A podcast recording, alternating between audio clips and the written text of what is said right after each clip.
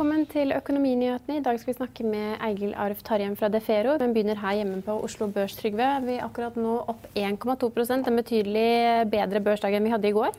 Ja, det er en liten oppgang. Altså, vi hadde jo da 2% ned over to dager. Det var negativt. Og de amerikanske børsene var også ned. og det hadde vært all time high i USA og på New York-børsen ganske lenge. da. Så fikk man en liten sånn stopp akkurat nå. Og det, var, det samme var i Oslo Børs. Og så har vi tatt noe av det tilbake igjen i dag. Og vi ser at blant de 20 mest omsatte aksjene på Oslo Børs så er alle opp. Eh, og så kan man da lure på liksom, hva er det som har liksom skiftet takt, og hva er liksom da driveren i markedet akkurat der. Det syns jeg er vanskelig å si, men det lille vi kan se, at da oppgangen er 1,2% det kan like godt være 1 eller 1,3 eller 0,8. Det, altså, det ender, på, ender, der fordi det er positiv uh, interesse i markedet. Og så ser vi at oljeprisen har gått litt opp. ja, Den er nesten på 62 dollar fatet på Brenten? er den ikke det? Jo, den har vært over det også. Eh, slik at Den var ned mot 60 dollar eh, fatet på Brenten, og så har den vært opp i 62,5 nå. Så det er en liten tendens til at oljeprisen går opp. og Det skyldes ikke at tilbud og etterspørsel endrer seg vesentlig i markedet, men at man da nærmer seg møtet i OPEC. Hvor da noen mener eller tror at OPEC kommer til å øke de produksjonskuttene de, eh, de har i markedet. Og det er det stor usikkerhet om. Så det kan ikke ja. de beholder, Hvis de beholder de, de, kuttene de har, som er 1,2 millioner fat per dag, eh, så skjer det ikke så mye. Men hvis de virkelig kutter produksjonen enda mer sammen med ikke-OPEC-land, sånn som Russland, så vil prisen kan, kan, få et lite løft. Men den, her er det snakk om at oljeprisen nå går opp 1 eller 2 dollar per dag. Er, I forkant. Ja, per fat. Men annonserer OPEC og OPEC pluss-landene at de skal eh, øke kuttene med 300 000-400 000 fat per dag. Så kan det hende at vi ser en større Da går prisen opp. Da, prisen opp, for da blir det mindre tilbud. Tilbudssiden går ned. og Det er nå en klar overvekt altså, av olje på tilbudssiden pga. den skiferoljen i USA, som er, som er, veldig stor, og fordi at man da i USA har satt nye rekorder i oljeproduksjon dag for dag.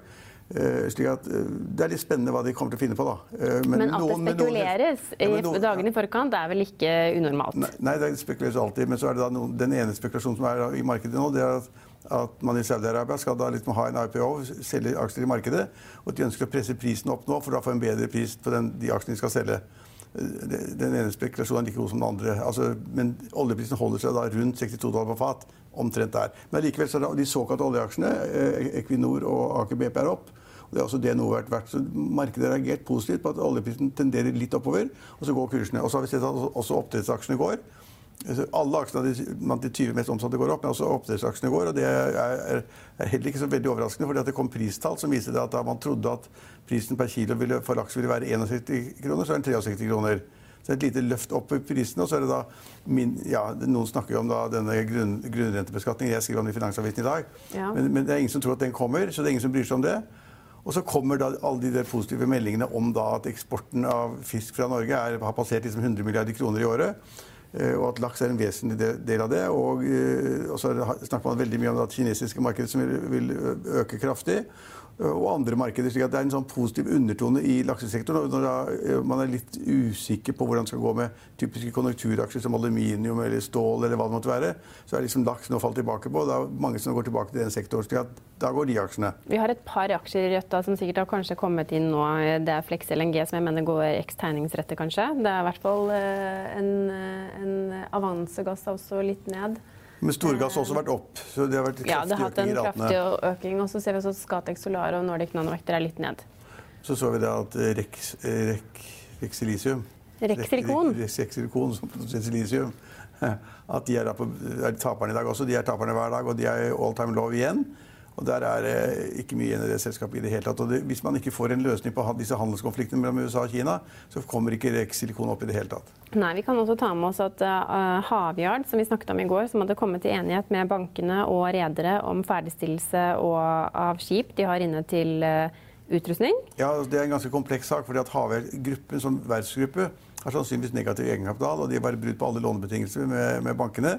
Så de måtte få til en avtale med sine kreditorer og, og banker om da ytterligere likviditet for å gjennomføre og fullføre de skipene de har. Det er samme eier i Havyard som det er i de fergene som da har bestilt, eh, bestilt dette ved verftet. Så dette er en sånn stor operasjon hvor da liksom de, de båtene som de har, da, disse fergene som de har bestilt, og som de får godt betalt fra staten for å drive, de måtte de ha. Eh, og så vil selvfølgelig bankene og andre kreditorer si at det er smart at de fullfører de skivene som, som, det er oppdrag for.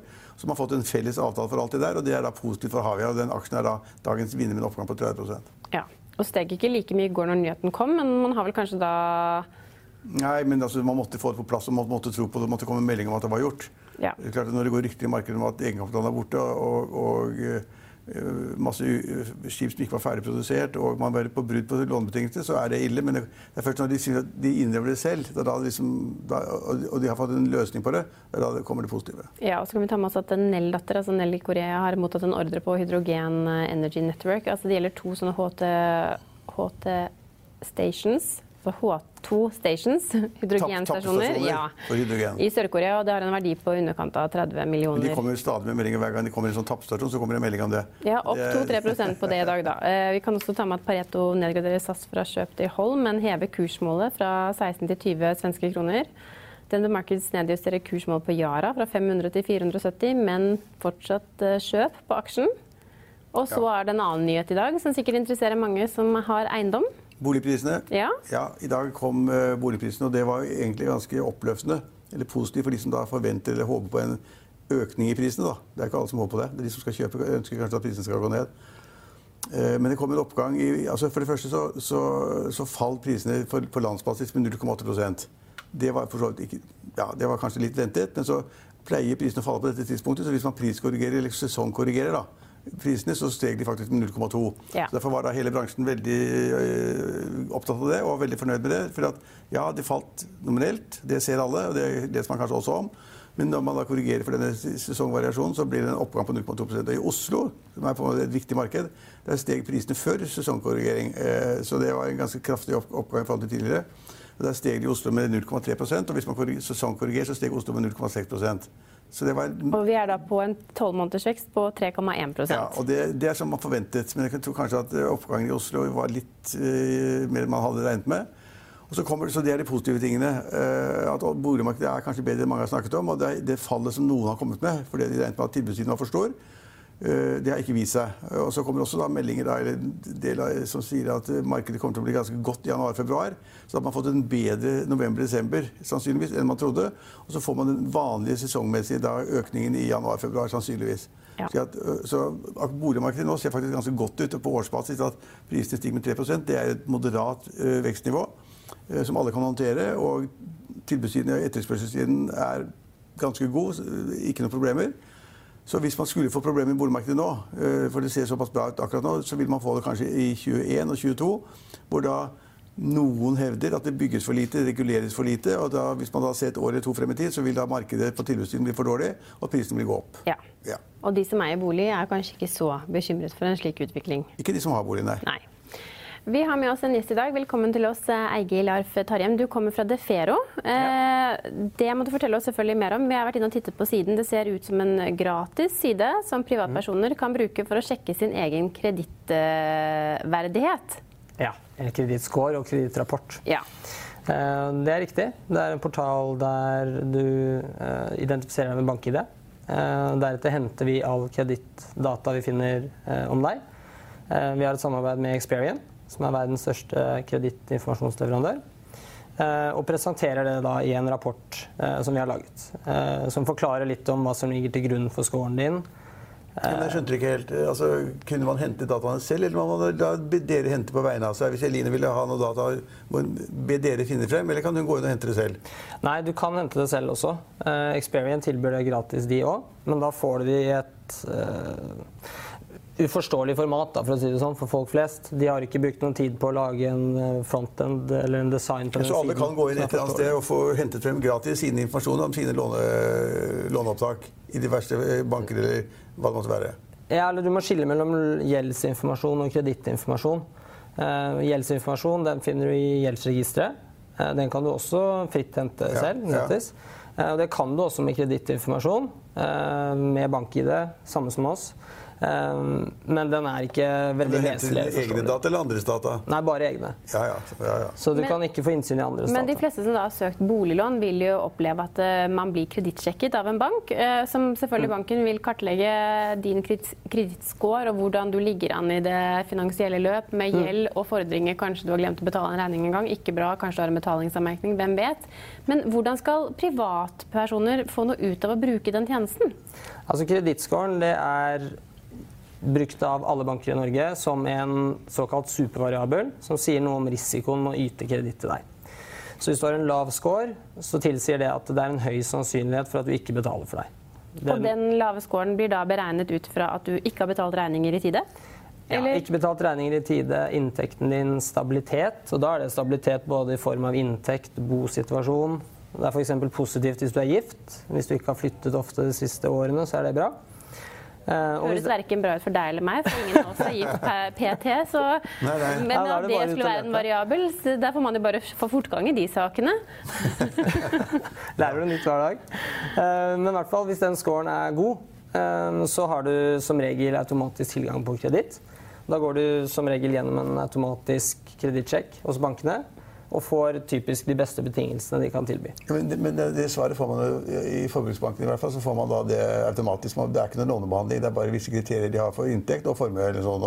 Det er riktig, fordi nå er det det som kalles underwriting-prosessen, som egentlig betyr at en bankbehandler tidligere så manuelt på lånesøknaden din som du har sendt inn med post. Den er hos mange banker borte. Den er helautomatisert og digitalisert. Så du får liksom bare ja eller nei på skjermen, som du ja, sier. Ja. Uh, og det er, er, jo egentlig bare et argument for at kredittscoren din er viktigere. For hvis den er dårlig, så blir du bare stanset før du får snakket med noen. i det hele tatt. Det, apropos disse nye informasjonene man får ut, det som irriterer meg, det er at man da i, i, i gjelden din, altså hvis man har gjeld, da, hvis man har lån, så får man da også den, den uh, ikke benyttede gjelden som ligger i, på, på kredittkortet ditt. Mm. Altså Hvis du har 100 000 på Emex eller 100 000 på et annet kort, så kommer de opp som gjeld. Det er jeg helt uenig i. Ja.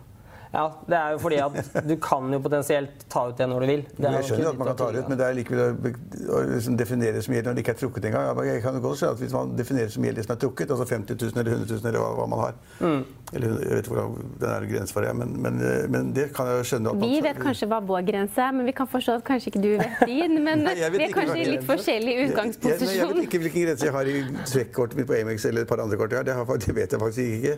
Nei. Det har vært interessant å se hvordan I'll see you in court. Vi sier det ofte litt på spøk, men for deg som driver business, er det aldri moro å innse at du ikke har laget en 100% gyldig kontrakt. Du bør ikke risikere hele firmaet ditt fordi du synes dette med kontrakter er litt stress. En avtale er ikke en avtale. Du kan miste kunder, miste venner, ja, til og med miste inntekter om du ikke lager en skikkelig kontrakt, på alt mulig, egentlig. Men vi vet det er et styr. Kopimaskiner, tregprinter og haugevis av papir. Dessuten stoler vi jo på folk her i landet. Det er ofte litt kleint å skulle be om en signatur for alt mulig, ja, for mye av styret handler også om jakten på underskriften. Det finnes en enkel måte å løse dette på, Dukkobit, en trygg, effektiv og get this, gratis måte å sikre seg en god natts søvn pluss en juridisk bindende avtale. Dukkobit-appen har de strengeste sikkerhetskrav i bunn, samt en EU-godkjent og sertifisert teknologi. Framover vil det bli behagelig å spørre du, skal vi skrive under på det, eller? Kom i gang på dukkobit.no.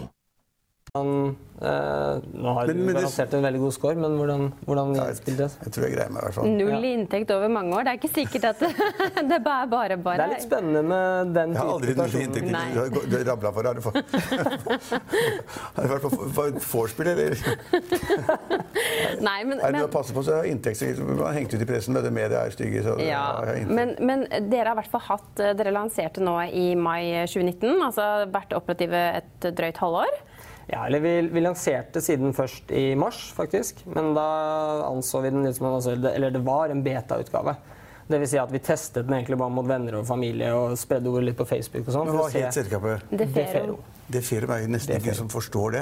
Nei, det er litt, det er... Jeg, jeg syns det er et ganske kult navn. da. ja, men alle selskapsnavn er tatt, så man må på en måte prøve å finne men, noe men det er jo ikke sånn at Experian eller et Biznode ja, forteller deg noe mer om hva de driver med. Hva? Hvis du ser på disse kredittvurderingsselskapene som Experian og Bisnow, forteller de navnene der nei, nei, hva de driver med? Det var litt, var litt vanskelig å få med seg med en gang, men det, det, det, det er Fero rett frem. Defero. Er det noen sånn bokstaver fra gründeren eller eieren, eller er det noen Nei, det er egentlig bare Sånn som Vy? Ja, Vy er et flott navn. nei, det er dårlig navn. nei, um, det er, stammer fra latin og betyr uh, egentlig community, eller samarbeid. Og det er egentlig det vi ønsker. Det er å skape en portal der du først og fremst får tilgang på all personlig data. Så hjelper vi deg å bruke den. Data har en stor verdi. Ehm, så etter hvert så håper vi at du kan logge inn på Defero, se dataen din, forstå verdien. Og da har vi kanskje også en rekke med eh, ferdig godkjente lån til deg.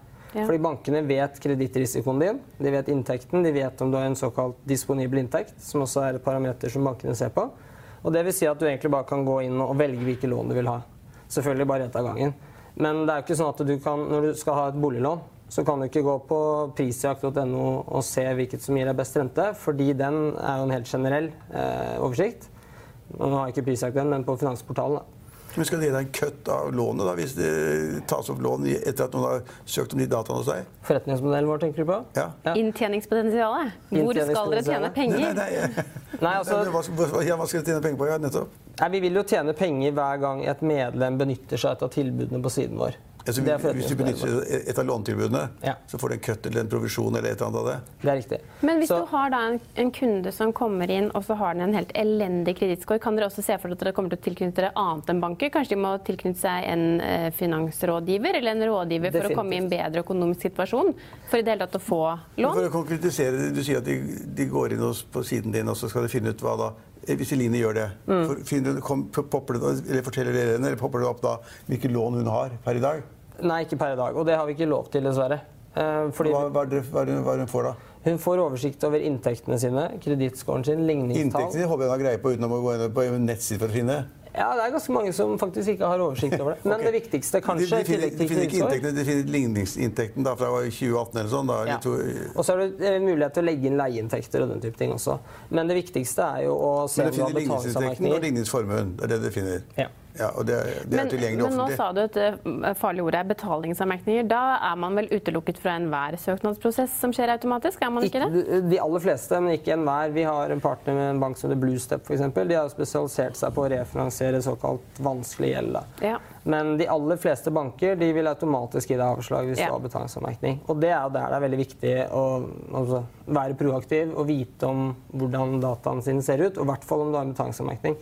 Veldig Ja, mange kvier seg for å sjekke det. Ja, men hvis for du går inn på siden din, så får du vite sin ligningsinntekt i eh, 2018 eller 2017. Det burde hun vite. Vite ligningsformuen. Det burde hun vite.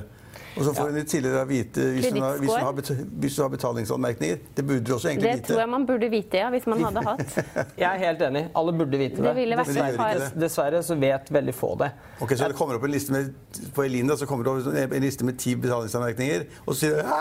ante jeg ikke. Faktisk så En undersøkelse som Klarna, Klarna gjorde, den viser at eh, en tredjedel av alle over 18 år de livnærer seg eller lever på kredittkortgjeld eller kortsiktig gjeld. Eh, Er det den nye generasjonen navere? For det var jo en liten periode man hadde en gruppe som også fant det gunstig å gå til Nav hvis man ikke ville jobbe. Men Hvorvidt de er navere eller ikke, det vet ikke jeg, men de, fall, de bruker i hvert fall mer enn de tjener. De har en negativ disponibel inntekt. Og det er jo veldig synd. Fordi da havner du i en sånn ond spiral at du hele tiden bruker mer enn du tjener. eh, Gjelden din øker. Du sliter med å få refinansiert eller finansiert den gjelden til gode betingelser. Det betyr at det er dyrt å være fattig.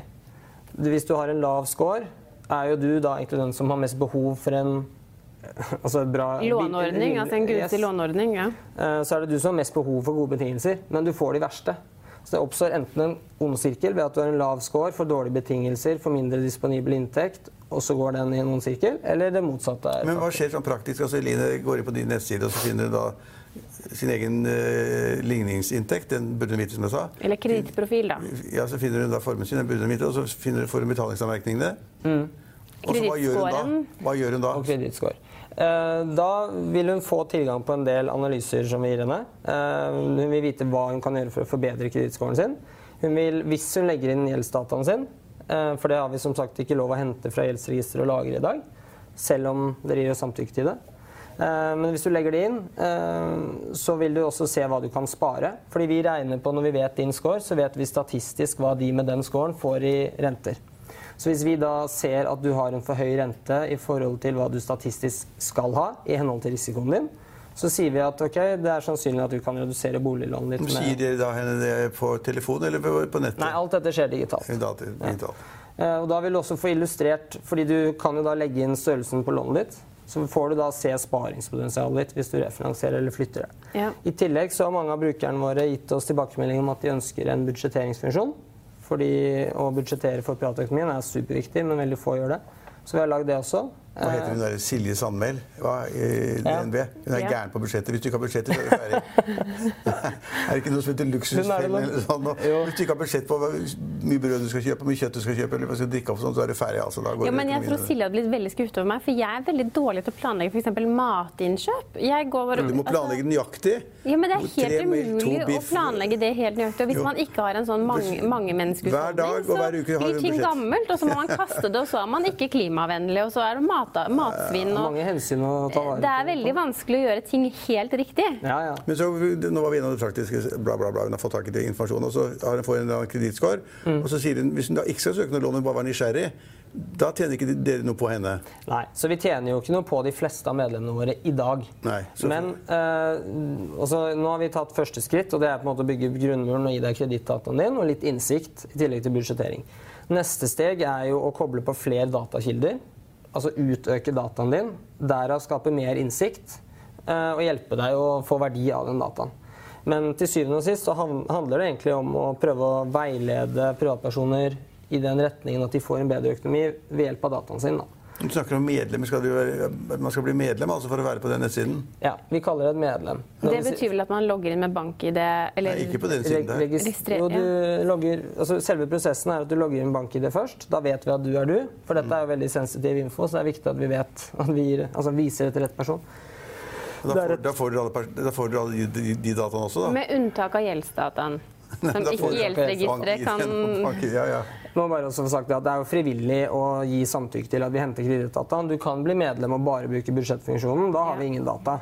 Men hvis du gir samtykke til å hente kredittinformasjon også, så vil det Hva koster det medlemskap i året, da? null kroner. Ja, så det er helt gratis, Trygve. Ja, det de skal tjene penger på, er partnerskapene. ja, Du måtte være medlem for å få det. Da tenkte jeg kanskje at det var kostet noe, men det koster ikke noe. Du er medlem uten at det koster noe. Ja.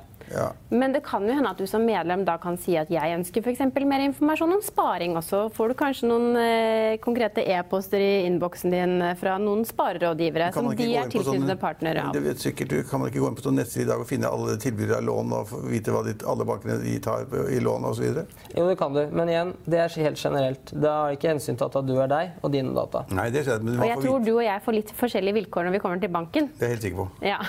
Men det kan, også, det kan også hende at dere får, eller kan få veldig mye bedre vilkår enn det dere først blir tilbudt, hvis dere hadde hatt noen bedre argumenter å prate med banken om.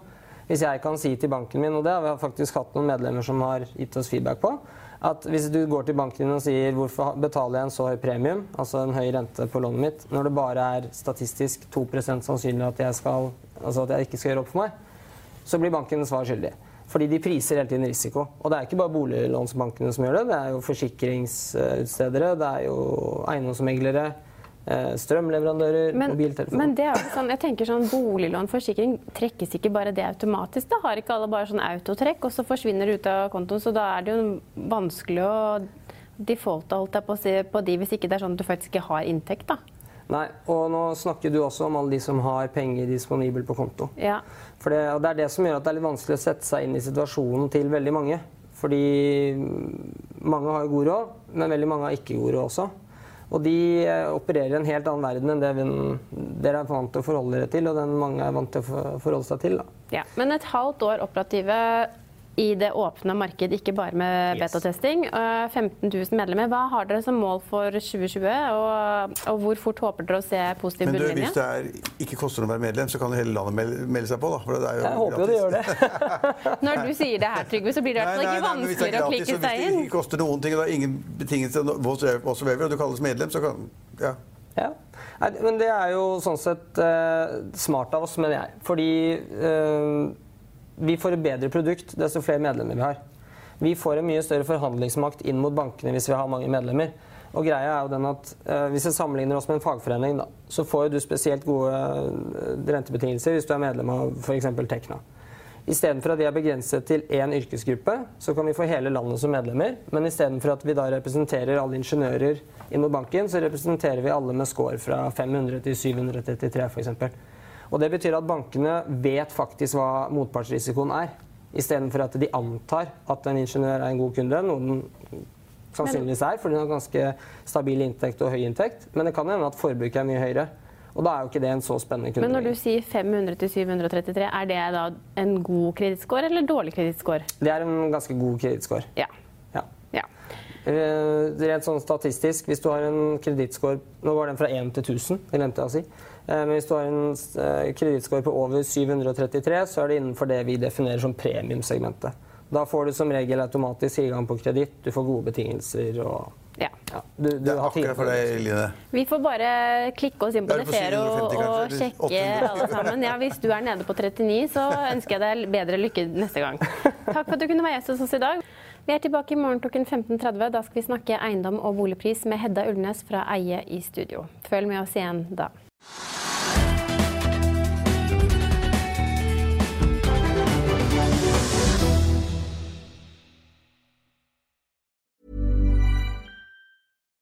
Hi, I'm Daniel, founder of Pretty Litter. Cats and cat owners deserve better than any old fashioned litter. That's why I teamed up with scientists and veterinarians to create Pretty Litter. Its innovative crystal formula has superior odor control and weighs up to 80% less than clay litter. Pretty Litter even monitors health by changing colors to help detect early signs of potential illness. It's the world's smartest kitty litter. Go to prettylitter.com and use code ACAST for 20% off your first order and a free cat toy. Terms and conditions apply. See site for details. Økonominyhetene er en podkast fra Finansavisen. Programledere er Marius Lorentzen, Stein Ove Haugen og Benedikte Storm Bamvik. Produsenter er Lars Brenden Skram og Bashar Johar. Og ansvarlig redaktør er Trygve Hegnar.